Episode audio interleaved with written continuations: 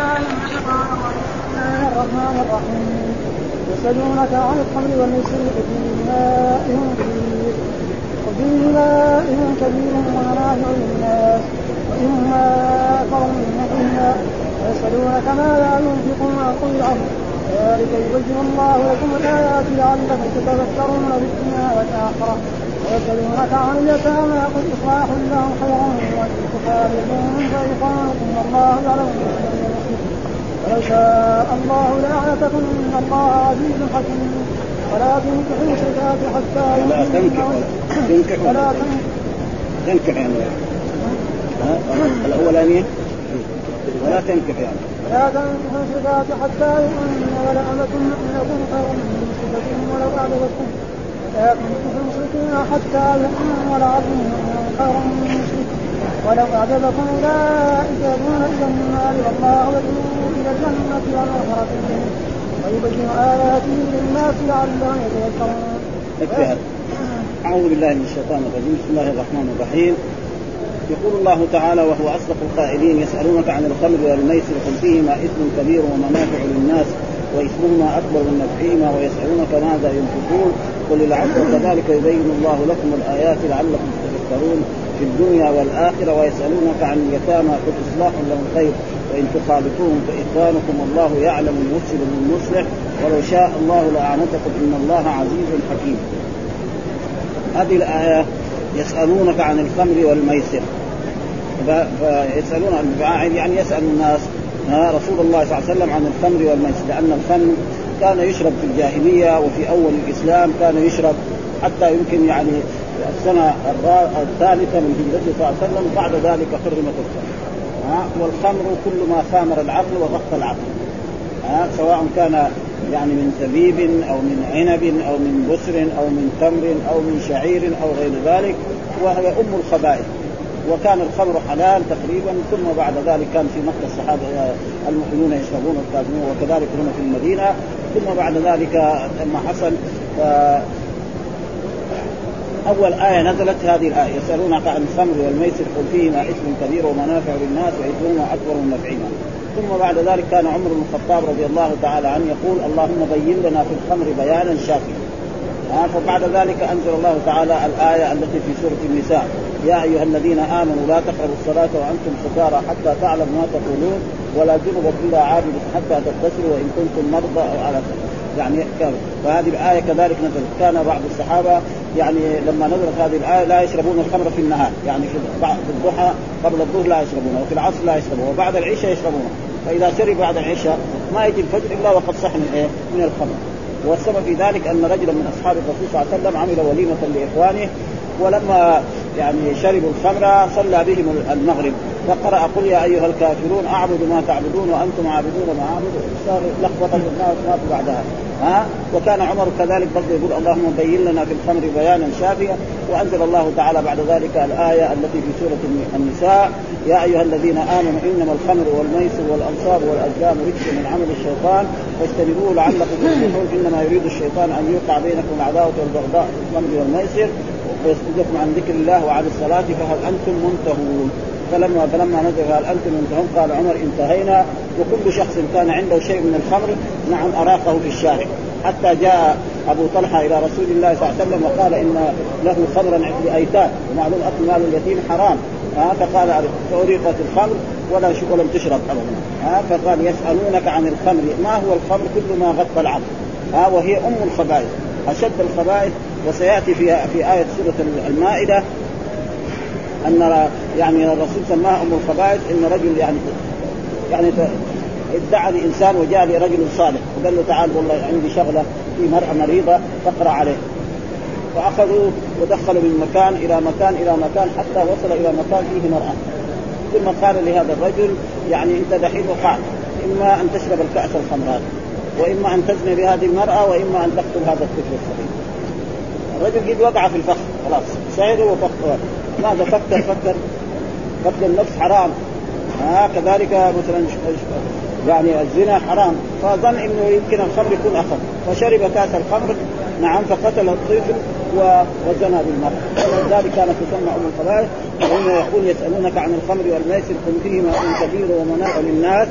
واما الخمر والميسر هو يعني سواء كان بفلوس بمقابل أو بغير مقابل. ها؟ أو سواء زي مثلا الآن في عصرنا هذا البلوت. ها؟ يعني البلوت هذا مضر ومضر ضررا عظيما جدا. يعني إنسان يجلس من المغرب إلى الفجر. وهو إيه؟ يلعب. يمكن ما يقول لا إله إلا الله ولا يقول سبحان الله. ثم إذا لعب مع أي إنسان يريد أن يغشه باي يعني لو لو لعب مع والده يحترم والده. ها؟ لكنه هنا يبغى إيه؟ يساوي طريقة بس عشان يغلبه. ولذلك والله ذكر يصدقنا عن ذكر الله وعن الصلاه فهذا هو المنطق وإذا كان بفلوس هذا سيكون أشد وأشد. ومعلوم أن بعض الناس يعني يذهبوا إيه الاوقات الطويله الساعات الطويلة بإيه؟ ها ها فيهما إثم كبير. فيهما إثم كبير ومنافع الناس فمن إثمهما يعني المنافع للناس قال أما تمام حيث فيها دفع يعني نفع البدن. تنفع إيه؟ البدن. إيش البدن؟ وتهضم الطعام. ها يقول تهضم الطعام واخراج الفضلات وتسعيد بعض الأذهان. يعني واحد يكون تعبان ياخذ يصير إيه؟ عنده فيه شيء من النشاط. ولذة الشدة المطربه التي فيها كما قال حسان بن في جاهليته ونشربها فتتركنا ملوكا واسدا لا يهنئنا اللقاء. فلذلك الخمر يعني تقريبا محرمة في الأخير. وأما في الأول فكان الناس يشرب فقال إيه؟ فيهما إثم كبير ومنافع للناس. ها منافع الناس مثل هذا. واسمهما أنها يعني تجعل الإنسان كسولا عن الصلاة وعن قيام بواجبه ولا يفعل ذلك. وثم ومنافع الناس وإثمهما أكبر من نفعهما. يعني النفع الذي فيها بسيط والإثم أكبر من ذلك. منها انها تثبت عن الصلاة وتجعل فيه الكسل وتجعل فيه أشياء كثيرة. نعم هذا. تضيع القروش كيف؟ تضيع هذا من تضيع يعني. يعني اسمها هذا؟ تضيع لأنه الذين يلعبون يعني يشربون الخمر أو الميسر تجي يضيع أوقات.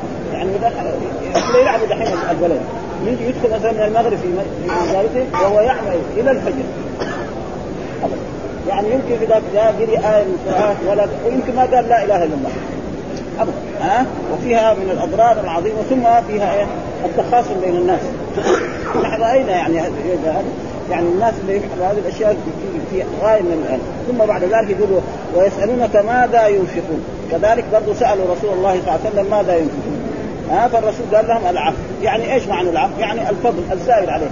يعني أنت لا يعني شيء اللي ما عندك إلا درهم واحد تروح تنفقه للفقراء والمساكين. لا ها يعني الزائد عنك. فإذا كان عندك درهم أنفقه على نفسك. عندك درهم ثاني انفقه على ولدك عندك ثالث على زوجك عندك ثالث مثلا على أمك ثم بعد ذلك على الأقارب. ها؟ و... و... كل إيه؟ جند مقل يعني ينفق ولو شيء قليل. ولذلك جاء في الحديث عن رسول الله صلى الله عليه وسلم لما سأل قال إيه؟ أمك ثم أمك ثم أباك ثم أقرب الناس إليك. فلازم إيه؟ ويسألونك ماذا ينفقون؟ قل العفو يعني الزائد. ثم بعد ذلك يقول الله تعالى كذلك يبين الله لكم الآيات. الآيات يعني الأحكام التي فيها مثل دحين آية الخمر تحريم الخمر وأن فيها اسم كبير وهناك يسألونك عن بعدها يسألونك عن اليتامى قل اصلاح لهم خير ويسألونك عن المحيض قل هو أذى آه وكتب عليكم الصيام كما كتب على الذين قبلكم وكتب على القتال وهو كر لكم وهكذا يعني الأحكام الشرعية كثيرة. فتجي آية حكم شرعي ثم حكم شرعي ثم حكم شرعي وهذه خصوصا السور المدنية فيها أحكام كثيرة. آه وهذه السورة سورة البقرة وهي سورة مدنية وفيها من الأحكام الشيء الكثير ولذلك إذا ويسالونك آه آه ماذا ينفقون؟ قل يعني إيه ينفق الإنسان؟ كذلك يبين الله لكم الآيات التي تبين لكم الأحكام الشرعية لعلكم تتفكرون. لعلكم تتفكرون وتعملون بهذه الأحكام التي أمركم الله بها ولا تتركوها. هذا معناه يعني قال كذلك يبين الله لكم الآيات في الدنيا والآخرة. كما فسر لكم هذه الأحكام وبينها ووضحها لكم كذلك يبين لكم سائر الآيات في أحكامه ووعده ووعيده لعلكم تتفكرون في الدنيا والآخرة. فهذا يعني آيات الأحكام كثيرة. فهنا برضه يعني ذكر مسألة القبلة وذكر مسألة الصفا والمروة وبعد ذلك يأتي بعد ذلك الحج إلى غير ذلك. فهذه أحكام كثيرة والسورة المدنية دائما تتعلق بالأحكام ثم في الدنيا والآخرة. ثم قال ويسألونك عن اليتامى ويسألونك عن اليتامى. اليتامى جمع ومفرده يتيم. ما هو اليتيم؟ في الإنسان اليتيم من فقد أباه وهو لم يبلغ الحلم. كل إنسان يفقد أباه وهو لم يبلغ الحلم يسمى يتيم. فإذا بلغ الحلم صار عمره 15 سنة لا يسمى يتيما ها؟ وهذا مع واليتيم في الحيوان نعم يعني من امه الشاة إذا فقدت امها الصغيرة تسمى يتيم. أما إذا فقدت اباه فلا شيء بالاب والطير إذا فقد أباه وامه لا يسمى الطير يتيما حتى يفقد أباه لأنه لو يجي أحدهما يعيش هو ها؟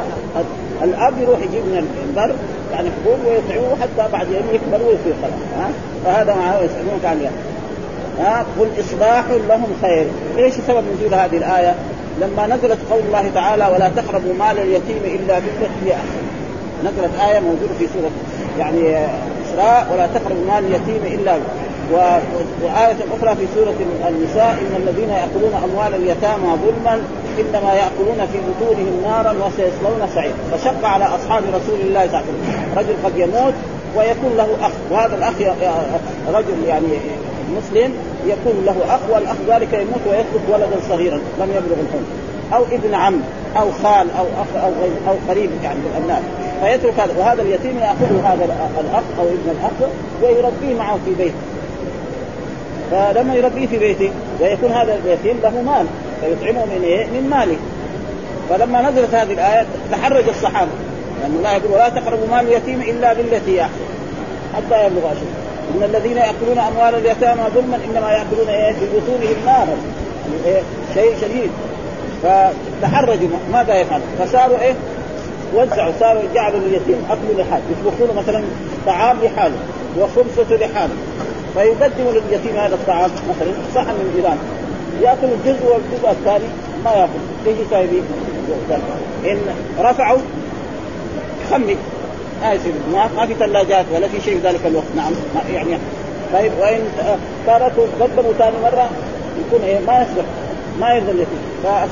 فجاءوا وسالوا الرسول صلى الله عليه وسلم عن ذلك. فسأل المسلمون الرسول صلى الله عليه وسلم عن ذلك. فأخبر فأنزل الله تعالى هذه الآية. يسألونك عن اليتامى قل إصلاح لهم خير. يعني إن تصلحوا لهم خير. وإن تخالطوهم فاخوان بدل ما يروح يشتري مثلا طعامين ويخلط طعامين يخلط مع طعام مع طعام اليتيم ويأكل سوا ها؟ ولكن الله يعلم المصلح من فالذي يفسد مال اليتيم هذا ربنا يعلم. والذي يصلح فإذا كان مثلا رجل عنده في عنده شيء من الدنيا وغني عنده يتيم يطعم اليتيم ولا يأخذ من ماله شيء حتى يكبر اليتيم يقول له تفضل خذ مالك. ها؟ وإذا كان لا هو ضعيف واليتيم ضعيف فياخذ من مال اليتيم شيء جزء بسيط على قدر ما يكفي اليتيم هذا لأن اليتيم هذا قد يكون صغير وقد يكون مثلا مميز يعني عمره عشر سنوات عمره عشر سنوات يأكل غير الذي يأكله إيه؟ أبو خمس سنوات أو أربع سنوات. فلذلك وهذا معناه يقول يسألونك عن اليتامى قل إصلاح لهم خير وإن تخالطوهم. فصاروا يخالطون قال فإخوانكم يعني إخوانكم في, الدين. إخوانكم إيه في الدين. إنما المؤمنون اخوان ها والله يعلم المفسد من المسلم الله يعلم الذي يفسد مال اليتيم ويضيع مال اليتيم والذي يصلح مال اليتيم. فيأخذ مثلا إذا كان يكفيه مثلا آه شيء بسيط يكفي هو له عائلة أولاد وبنات وغير وزوجات آه يكون ياخذ من من ماله على قدره واليتيم كان واحد ياخذ على قدره ويطبخ مع بعض ويقدموا وياكلوا مع بعض. أو ياكل أما لما يعني نخرج مال اليتيم ونطبخ له طعام خاص ونشتري له خبز خاص. نعم فيأكل اليتيم شيء جزء والباقي يترك فإذا تركه بعد هذا اليتيم إن رفعنا له في اليوم الثاني لا يصلح ها يصير إيه؟ يعني قد عفن وقد ولأجل ذلك فأنزل الله تعالى هذه الآية قال يسألونك عن يتامى قل إصلاح أن تخالفوهم فإخوانكم والله يعلم المفسد من المصلح ولو شاء الله لأعنتكم. ولو شاء الله لأعنتكم يعني لكلف عليكم في هذه الأشياء معناها في قول الله تعالى لأعنتكم ولو شاء الله لضيق عليكم. ها؟ لعنتكم يعني لضيق عليكم واحرجكم ولكنه وسع عليكم وخفف عليكم وأباح لكم مخالطتهم بالتي هي أحسن. هذا ها؟ هذا معنى العنت، إيش معنى العنت؟ لضيق عليكم وأحرجكم ولكنه وسع عليكم وخفف عليكم فللمسلم إذا كان عنده يتيم له أن يخالطه في طعامه وفي شرابه لكن بشرط إيه؟ بالإحسان وبالامان ها؟ لا يضيع مال اليتيم. فإذا كبر اليتيم أعطاه ماله وأشهد عليه. وجاء في القرآن آه يعني ولا تؤتوا السفهاء أموالكم إيه؟ ولا تؤتوا السفهاء أموالكم.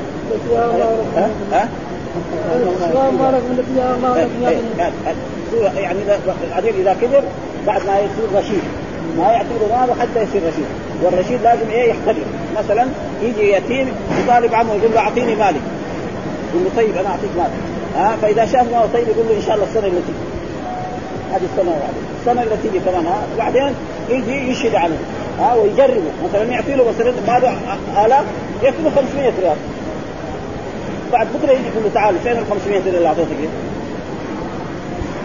ها؟ إذا اعطاه له 10000 ريال أول ما يكون يروح يشتري دباب أو دباب يعني. ها؟ وإذا كان فلوس كثير يشتري سيارة. فهذه إيه؟ يضيع المال. فلذلك لازم إيه؟ يختبره. ها؟ يختبره فإذا عرف أنه رشيد يسلم مال خلاص ويشهد عليه وهذا هذا الواجب يعني. وسيأتي هذا في سورة إيه؟ آه النساء الموضوع هذا الذي. ثم بعد ذلك يقول الله تعالى بعد بعد ذلك يقول ولا تنكحوا المشركات حتى يؤمن ولا أمة مؤمنة خير من مشركة ولو أعجبتكم يعني ينهى الله المؤمنين أن ينكحوا المشركات. يعني لا يجوز للمؤمن أن يتزوج يعني كافرة مشركة وثنية. الوثنية لا يجوز. الذي تعبد الأصنام نعم والوثنية الذي لا تعبد شيء من هذا هذه لا. وأما النصرانية واليهودية فهذا جاء في القرآن أنه يجوز. ها؟ والمحصنات من الذين أوتوا الكتاب حل لكم ها فيجوز للإنسان المسلم أن يتزوج يهودية أو نصرانية. مع انه اليهودية والنصرانية مشركة لكن الله أحل ذلك. ها لا يساوي فلسفه لأنه مثلا المشرك يعبد الأصنام والوثني يعبد الأصنام. طيب النصرانية تقول إيه؟ عيسى ابن الله. واليهودية واليهودية تقول إيه؟ عزير ابن الله. مشركة هي. لكن لما أحل الله ذلك؟ آه يعني لا يجوز. آه والمحصنات من الذين أوتوا الكتاب حل لكم وطعامكم حل لهم والمحصنات من الذين أوتوا المحصنات من المؤمنات. فهذا يعني جائز ولذلك يقول ولا تنكحوا المشركات حتى يؤمنن والنكاح اصله في اللغة العربية اصله دائما للعقد. يعني كل الآيات القرآنية في القرآن يعني تنكح بمعنى إيه؟ عقد. مثلا إذا نكحتم المؤمنات ثم طلقتموهن يعني إذا إيه؟ عقدتم عليهم. نعم؟ فانكحوا ما طاب لكم من النساء مثنى وثلاث. يعني إيه عقدوا له والعقد هذا يؤدي إلى إيه؟ إلى الاتصال الجنسي الذي هو الجماع. وإلا دائما القرآن إذا قال نكح معناه يعني إيه؟ عقد عليه. والعقد هذا يؤدي إلى إيه؟ إلى إلى الاتصال الجنسي والجماع. وإلا في آية واحدة والمراد بها هو الجماع. وهي قول الله تعالى الطلاق مرتان فإمساك بالمعروف أو تسريح بالإحسان ولا يحلف أن تأخذوا ما أتيتموهن شيئا إلا أن يخاف أن لا يقيموا حدود الله. فإن خفتم أن لا يقيموا حدود الله فلا جناح عليهما فيما به تلك حدود الله. فلا تعتدوها ومن يتعدى حدود الله فأولئك هم الظالمون. فإن طلقها فلا تحل فإن طلق فلا تحل حتى تنكح زوجا غيره. هنا حتى تنكح زوج إيش المراد بالنكاح؟ أن يتزوجها رجل آخر عقدا ويدخل بها ويتصل ويجامعها ها ولذلك لما أرادت المراه ترجع إلى زوجها الأول قال لا حتى تذوقي عسيلته ويذوق عسيلته. يعني حتى إيه تلتز بجماعه ويلتز بجماعه. فهنا وأما الآية مثلا الزاني لا ينكح إلا زانيه مثل هذا كمان يعني المراد به الجماع.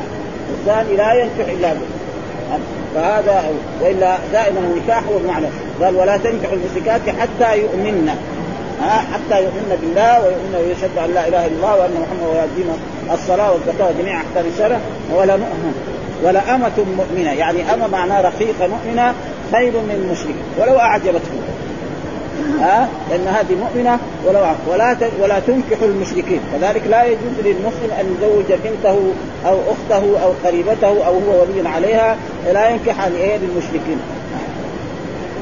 حتى يؤمنوا حتى يؤمنوا.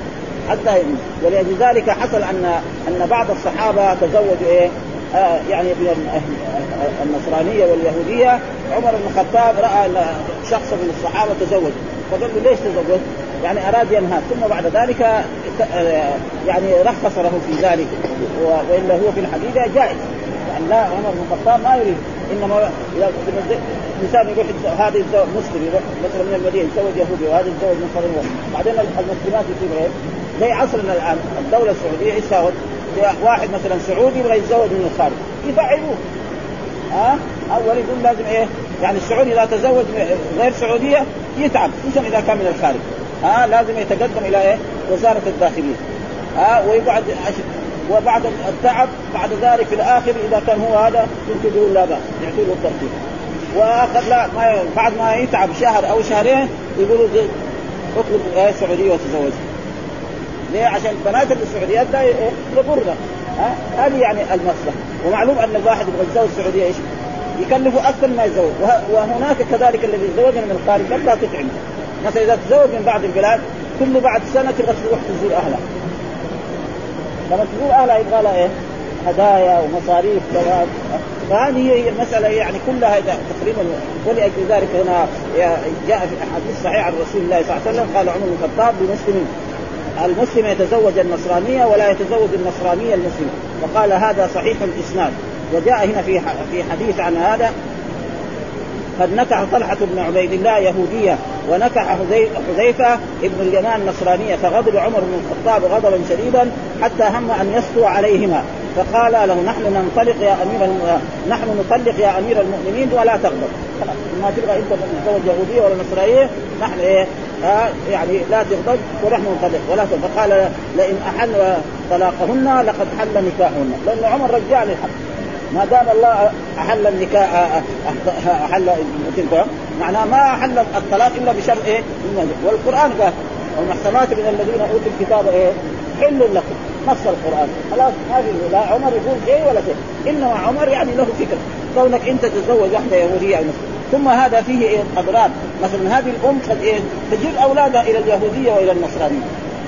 وكثير الآن تزوجوا يهودية أو نصرانيه يعني متعبون جدا. ابدا متعبون جدا. فلذلك يعني وإلا الحكم الشرعي جائز. ثم هو إذا تزوج اليهودية والنصرانية قد يكون سبب لاسلامه تسلم وتصير مرأة طيبة صالحة. وقد يكون لا بالعكس. ها؟ هي تجر أولادها إليها. لأن الطفل دائما إيه؟ يعني مع أمه ولا تنكح المشركات ولا حتى يؤمنوا ولا عبد مؤمن خير عبد مؤمن. عبد يعني رقيق مؤمن خير مسلم. ولو أعجبكم ولو أعجبكم يعني بحسنه وجماله ومعلوم أن المرأة تنكح لأشياء. إما لحسنها أو لجمالها أو لمالها أو لدينه فالرسول قال اظفر بذات الدين تربت يداه يعني مهم إيه؟ الدين. ها تظفر بذات الدين تربت يداه أما الجمال والحسن هذا كل هذا قد إيه؟ لا لا يؤدي إلى نتائج طيبة ولذلك أمر ها وهذا معناه ولا تنكح المشركات حتى يؤمن حتى يؤمن بالله ولا أمة مؤمنة خير من مشركة أمة مؤمنة ولذلك هنا الحين ولا أمة مؤمنة وصف أمة هذا مبتدأ واللام لام الابتداء أما مثل مؤمنة وصفها بعدين قال خير من ولو أعجبتكم ولو أعجبتكم هذه ال ال ال يعني المشركة ولا تنكحوا المشرك يعني أنتم أيها الأولياء وأيها الآباء وأيها الأعمام ولا تنكحوا. إذا جاء خطر زوجتك مثلا رجلا كافرا فلا تزوجوا بنتك حتى يؤمنوا. ولا عبد مؤمن خير مشرك ولو أعجبكم. أولئك يدعون إلى النار يدعون إلى النار يعني يوصل إلى النار ومتاع الدنيا فلا يصلح لكم وجاء في الأحاديث آه وجاء في لا هن حل لهم ولا هم يحلون لهن في سوره الإيه؟ في سوره آه, آه، الممتحنة آه لا يجوز للرجل ولذلك الرسول لما حصلت الهدنة بين رسول الله صلى الله عليه وسلم وبين قريش في عام الحديبية واتفقوا على أنه إيه؟ أنه أن من فر من قريش إلى الرسول الرسول يرد ومن فر من أصحاب الرسول إليه لا يردون بعد ذلك أنزل الله تعالى النساء فإذا مرأة مسلمة جاءت من مكة إلى المدينة هنا لا يردها الرسول صلى الله عليه وسلم. ها؟ ابدا. وأما الرجل يرد وكان يرد الرجال. فالرجال كانوا يردون إلى مكة وهم يفتون بعد ذلك إذا وصلوا إلى مكة خرجوا إلى جهة يعني جهة الطائف أو جهة اليمن. هناك وقفوا لقريش. شباب ها؟ كلهم عندهم أسلحة. وكل قافلة تمر من قريش هناك يضربوها بالحديد وينهبوها فجاءوا إلى رسول الله صلى الله عليه وسلم وقال خذ من عندك عطلوا تجارتنا. ولأجل ذلك هذا وتنفع مستهتا ولا أمة مؤمنة خير ولو أعجبكم ولا تنفع المشركين حتى يؤمنوا ولا عبد مؤمن خير ولو أعجبكم. أولئك يدعون إلى النار والله يدعو إلى الجنة. الله يدعو. والمغفرة بإذنه. المغفرة إيه؟ من الله بإذنه. فيجب على الإنسان أن إيه؟ قال ولا أمة خير مشركة ولا عبد قال نزلت في عبد الله بن رواحة يقول هذه ولا أمة مؤمنة خير من ولا قال السدي نزلت في عبد الله بن رواحة كانت له أمة سوداء فغضب عليها فلطمها ثم فزع فأتى رسول الله فأخبره خبرها فقال ما هي؟ قال تصوم وتصلي وتحسن الوضوء وتشهد أن لا إله إلا الله وأنك رسول فقال يا أبا عبد الله هذه مؤمنة فقال والذي بعثك بالحق لأعتقنها ولا تزوجنها ففعل فطعن عليه ناس من المسلمين ها؟ عبد الله بن رواحه كانت عنده حمى ويمزي عليها ويقرصونها على وجهه فحزن على ذلك وأخبر رسول الله. قال له كيف هي؟ قالت هي مسلمة مؤمنة. فقال لا ما دام كذا أنا أعتقها واتزوجها ها؟ فبعض الناس الآن العصبية في الانساب موجودة. ولا تزال هذه لا تزال. ابدا. ها؟ ولم تز... هذه ما ذهبت إلا في عهد رسول الله صلى الله عليه وسلم وعهد الخلفاء الراشدين. ها؟ ف... فبلال يتزوج أخت عبد الرحمن بن عوف. عبد الرحمن بن عوف قرش وبلال مولى ها؟ هذا. وانتهت دولة الخلفاء الراشدين حتى عادت العصبية للعرب. الدولة الأموية متعصبين للعرب جدا. العربي هو كل شيء. ما هو عربي ما له قيمة جاءت الدولة العباسية بالعكس. ها؟ العجمي هو كل شيء. لأن الدولة العباسية قامت على إيه؟ على العجم. الإتراك والفرس. فإن كان عربي يصير وزير ويصير شخصية كبيرة أبدا. وإذا كان عربي ما ها ولأجل ذلك هذا والرسول أخبر كان يعني الطعن في الأنساب والنياحة على الميت. هذا الفخر بالأحساب والنياحه عن الميت هذه دائما موجودة في في كل وفي كل الناس. يعني كل الأجناس. ما في جنس ابدا. واحد يقول مثلا كذا يكون جنس زوج بالتقريب فلان يقول لا ما وهذه أشياء موجودة لا تزول ابدا. لأن الرسول أخبر أنها لا تزول. وهي موجودة ولكن هي من أعمال إيه؟ الجاهلية أبدا. من أعمال الجاهلية ولذلك يقول في هذه الآيات يعني الآية الأولى التي هي يسألونك قال يسألونك عن الخمر والميسر قال الإمام أحمد حدثنا خلف بن الوليد قال حدثنا إسرائيل عن أبي إسحاق عن أبي ميسرة عن عمر أنه قال لما نزل تحريم الخمر قال اللهم بين لنا في الخمر بيانا شافيا ونزلت هذه الآية التي في البقرة ويسألونك عن الخمر والميسر قل فيهما إثم كبير. فدعي عمر فقرات عليه فقال اللهم بين لنا في الخمر بيانا شافي فنزلت الآية التي في النساء. يا أيها الذين آمنوا لا تقربوا الصلاة وأنتم سكارى. فكان منادي رسول الله صلى الله عليه وسلم إذا قام آه إذا أقام الصلاة نادى أن لا يقربن الصلاة سكران. ودعي عمر فقرأت عليه فقال اللهم بين لنا في القبر بيانا شافيا فنزلت الآية التي في المائدة فدعي عمر فقرأت عليه فلما بلغ فهل أنتم منتهون قال عمر انتهينا انتهينا. وهكذا رواه أبو داود. و, و وعن أبي هريرة عند قوله في سورة المائده إنما الخمر والميسر والأنصاب والأفلام رجس من عمل الشيطان فاجتنبوه لعلكم الآيات. وقوله يسألونك عن الخمر والميسر قال فيهما إثم كبير اسمهما فهو في الدين. وأما المنافع فدنيوية من حيث أن فيها منع البدن وتهضيم الطعام وإخراج الخضرات وتشحيد بعض الأذهان. ولذة الشدة المطربة التي فيها كما قال حسان بن ثابت في جاهليته ونشربها فتتركنا ملوكا. يعني واحد لما يشرب الخمر يروح مثلا في بيت الخلا يظن هناك غرفة نوم. قد يجلس هناك وقد يأكل مع الكلاب. ليه؟ لأنه ما في عقل. يروح غرفة آه، يروح على بيت الخلا يظن هذا غرفة النوم. يروح هناك يطيح يمكن ليه؟ لأنه ما هذا ما ولذلك كانت أم الخبائث وهذا شيء مشاهد. ويقول ياكل يروح تجد كلاب يجي معاهم. فلذلك تحريم الخمر كان آه، يعني له حكمة وهذا. فقال فيه آه، وتحريم الطعام وكذلك بيعها. لما يبيعها يحسن فلوس ها؟ والانتفاع بها وبثمنها وما كان آه، يخرجه بعضهم من الميسر فينفقه على نفسه أو عياله. كذلك اللي يكسب من الميسر يلعب طول النهار.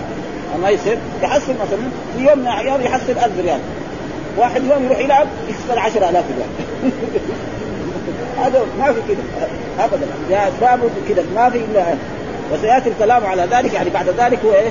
يعني يتكلم على مسألة الخمر والميسر في إيه؟ في سورة ثم قال ويسألونك ماذا ينفقون؟ قل أي قرئ بالنصب وبالرفع. وكلاهما حسن مستجد الطريق قال ابن أبي حاتم حدثنا يحيى أنه بلغ أن معاذ بن جبل وثعلبة أتى يا رسول الله صلى الله عليه وسلم فقال يا رسول الله إن لنا أرقاء وأهلين من أموالنا فأنزل الله يسألونك ماذا قال الحكم عن مقسم عن ابن عباس ويسألونك ماذا ينفقون؟ قال العفو. قال ما يخبر عن أهلك. ها؟ يعني ما يترك نفسه وأولاده وأهله. وكذلك روي عن ابن عمر ومجاهد وعطاء وعكرمة وسعيد بن جبير ومحمد بن كعب إلى غير ذلك. قال العفو يعني الفضل وعن طاووس اليسير من كل شيء. وعن الربيع أيضا افضل مالك. مالك وأطيبه والكل يرجع إلى الفضل. وقال ابن عبد الرحمن قال لا لا يجهد مالك لا يجهد مالك. ثم تقعد تسأل يعني يروح واحد عنده مال عشرة يتصدق بها على الفقراء بعد يروح يشهد. الإسلام لا يعمل بهذا. ها؟ فأول إيه؟ نفسك وأولادك وأهلك ثم بعد ذلك. ثم بعد ذلك جاء في حديث عن عن رجل انفقوا على ولد قال عندي آخر قال فأنت به أبصر. وجاء كذلك خير الصدقة ما كان عن ظهر عن ظهر غنى. واليد العليا خير من اليد السفلى وابدأ بمن تعود. وفي الحديث يا ابن آدم إنك إن تبذل الفضل خير لك وإن تمسكه شر لك ولا تلام على كفاك.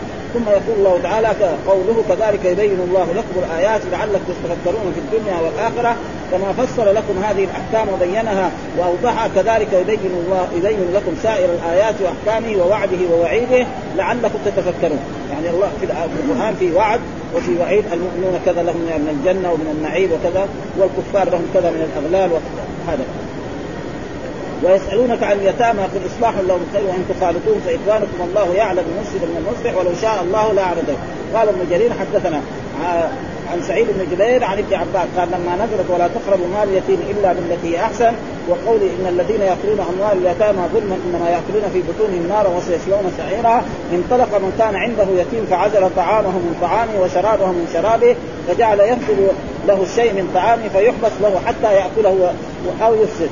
فاشتد ذلك عليهم فذكروا ذلك لرسول الله صلى الله عليه وسلم فأنزل الله تعالى ويسألونك عن اليتامى قل إصلاح الله الخير وإن تخالطوهم فإخوانكم فخالطوا طعامهم بطعامهم وشرابهم بشرابهم وهكذا رواه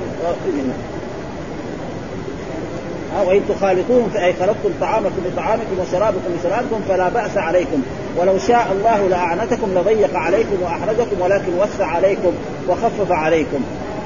ثم قال ولا تنكحوا المشركين ولا تنكحوا المشركات حتى يؤمنن ولا أمة مؤمنة خير من مشرك ولو ولا تنكحوا المشركين حتى يؤمنوا. ولا عبد مؤمن خير من مشرك ولو أعجبكم. أولئك يدعون إلى النار والله يدعو إلى الجنة والمغفرة بإذنه والمغفرة بإذنه ويبين آياته للناس لعلهم يتقون. قال هذا آه، تحريم من الله عز وجل على المؤمنين أن يتزوجوا المشركات.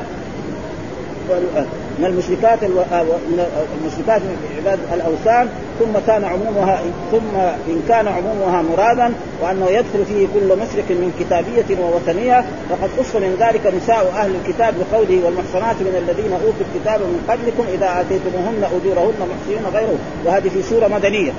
هذه في سورة مدنية وهذه في سورة مدنية فاذا اليهود والنصارى له ايتها ولا تنكح المشركات استثنى من ذلك نساء أهل الكتاب وهكذا قال مجاهد وعكرمة وسعيد بن جبير ومذكور والحسن والضحاك وزيد بن أسلم والربيع بن أنس وغيرهم. وقيل بل المراد بذلك المشركون من عبد الأوثان ولم يرد أهل الكتاب بالكليه والمعنى قريب والله أعلم. وأما ما رواه ابن جرير نهى رسول الله عن أصناف النساء إلا ما كان من المؤمنات المهاجرات وحرم كل ذات دين غير الإسلام. قال الله عز وجل ومن يكفر بالإيمان فقد حبط عمله وقد نكح طلحة بن عبد الله يهودية ونكح حذيفة بن اليمان نصرانية فغضب عمر بن الخطاب.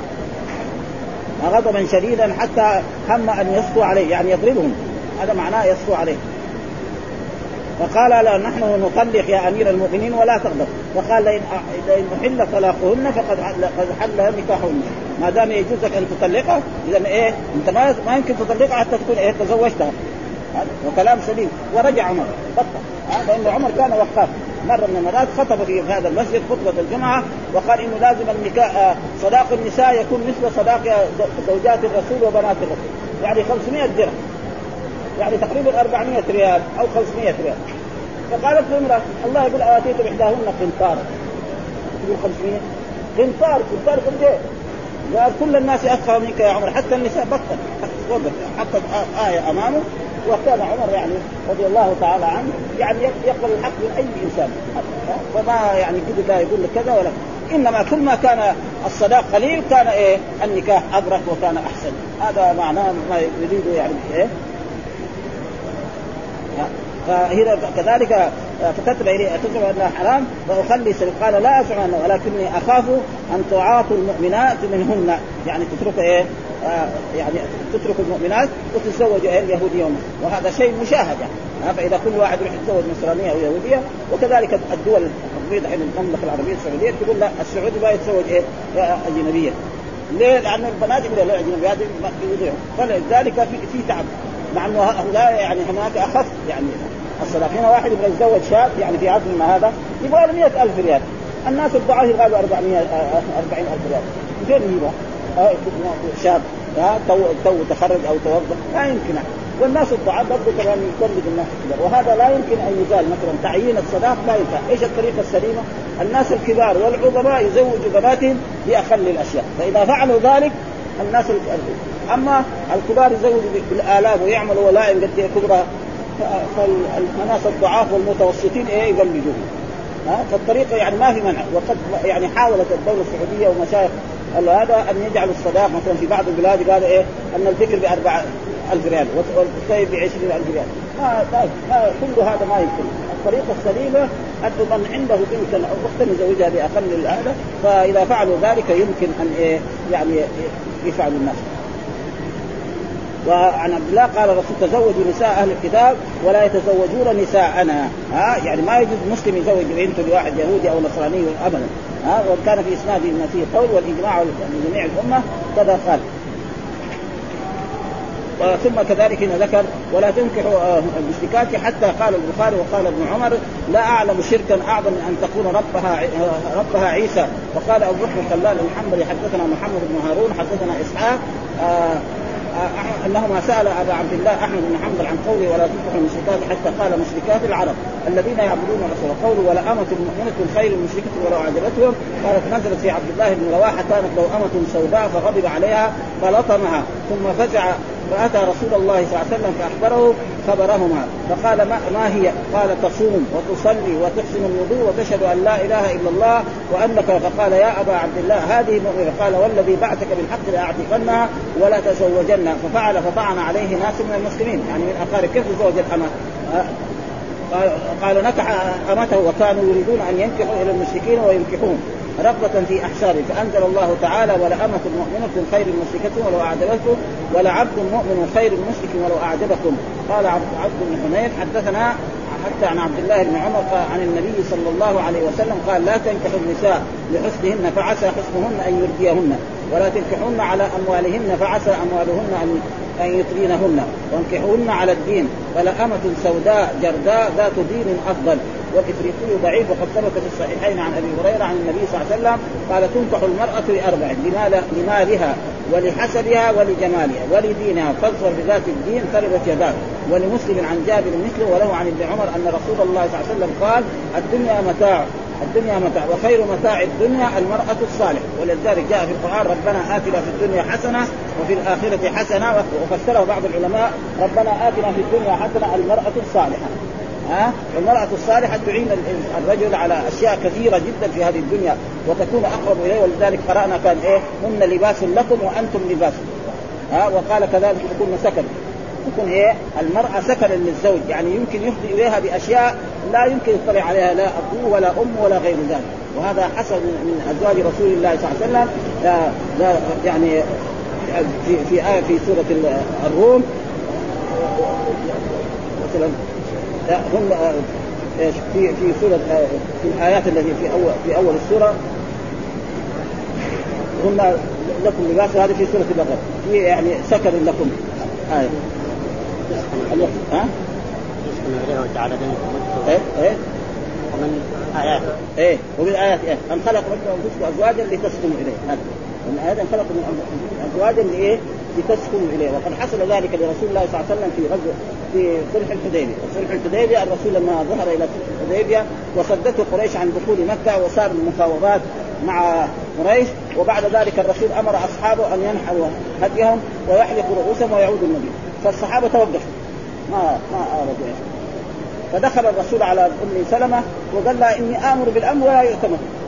رسول الله. فقالت له يا رسول الله انت أنت أخرج واحلق رأسك وانحفظ. إذا فعلت قبل ما حد يقبل ها أما ليش ما مو معصية للرسول؟ لا ياملوا ان إيه يعني يصير إيه يدخلوا مكة لانهم في شوق إلى دخول مكة والطاهر فهم كان عندهم أمل ليس معناه معصية لرسول الله صلى الله عليه وسلم عدم طاعة لا ابدا. إنما هم كان في أمل يمكن بعد ذلك بعد يوم أو يومين يعني الرسول يتفق مع قريش ويسمحوا له بالدخول فلما الرسول خرج وحلق رأسه ونحر هديه الصحابة كلهم وهذا يعني ما في يعني مثل هذه الأشياء لأن آه، آه، آه، إلا يعني كذلك لما حصل الصلح يعني أي شخص يفر من قريش إن كان رجل الرسول يرد. وكان كذلك إن كانت مرأة يردها لكن بعد ذلك أنزل الله تعالى لا هم حلهم ولا هم يحلون. المرأة إذا جاءت يسألوها لماذا جئت أنت من مكة؟ يعني خاصمت مع زوجك؟ ها؟ تقول لا. ما فيقوم يجي الزوج حقها يعطوا له المهر حقه ثم تعتد هي ويتزوجها مسلم. كما جاء في القرآن يا الذين آمنوا إذا جاءكم مؤمنات مهاجرات فامتحنوهن الله أعلم بإيمانهن فإن علمتموهن مؤمنات فلا ترجعوهن إلى الكفار. لا هن حل لهم ولا هم يحلون لهن وآتوهم ما أنفقوا ولا جناح عليكم أن تنكحوهن إذا آتيتموهن أجورهن. ولا تمسكوا بعصم الكوافر. واسألوا ما أنفقتم وليسألوا ما أنفقوا. ذلك من حكم الله يحكم بينكم والله عليم حكيم. ها ولا عبد مؤمن خير ولو عجبكم ولا رجل مؤمن لو كان عبدا حبشيا. أولئك يدعون إلى النار أي معاشرتهم ومخالفتهم تبعث على حب الدنيا واقتنائها وإيثارها.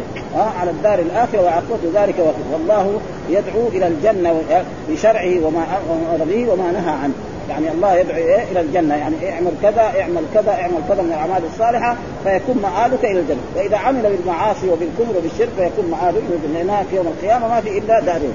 إما جنة وإما نار.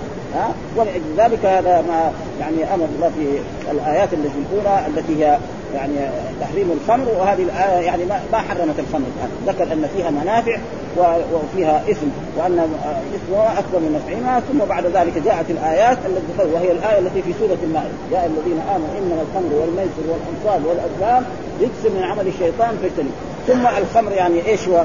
آه يعني اقوال الفقهاء كلهم على أن الخمر حرام ونجس. يعني الأئمة الأربعة اتفقوا على أن الخمر حرام شربها ونجاستها. هناك من العلماء المتاخرين الآن جاءوا يعني متأخرين يعني بالنسبة إلى يقول لا أن الخمر حرام لكن نجاستها ما في. ما ما في دليل على نجاستها لأن الله قال يا الذين آمنوا إنما الخمر والميسر والأنصاب والأزلام لو واحد دخل الأزلام حتى في جيبه وصلى صلاته باطلا ما حد يقول صلاته باطله ولكن أصح الأقوال أن الخمر يعني إيه حرام ونجسة. والدليل على ذلك في أحاديث في في في التاريخ. في تاريخ ابن كثير نحن رأيناها ان أن خالد الوليد لما ذهب إلى الشام كان ياتوا بمعجون. وهذا المعجون فيه إيه؟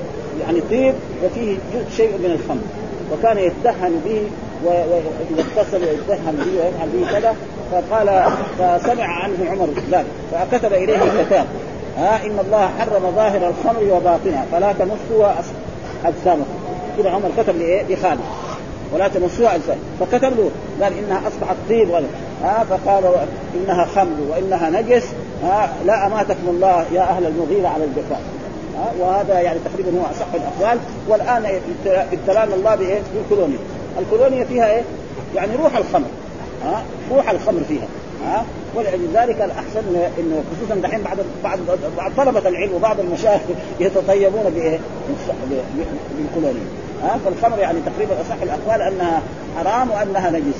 ولكن بعض زي الشوكاني وهذا يقول لا يقول نعم حرام حرام لكن نجس يقال دليل. هو استدل بهذه الايه هذه الآية لأن الخمر والميسر والأنصاب والأزلام رجس من عمل الشيطان. ها مثلا واحد أخذ الأزلام وحطها في جيبه وصلى ها ابدا. قال يا إنما المشركون نجس. المشركون يعني أعيانهم. ما هي نجس ان إيش النجاسة؟ اعتقاداتهم. والحمد لله رب العالمين وصلى الله وسلم على نبينا محمد وعلى آله وصحبه وسلم.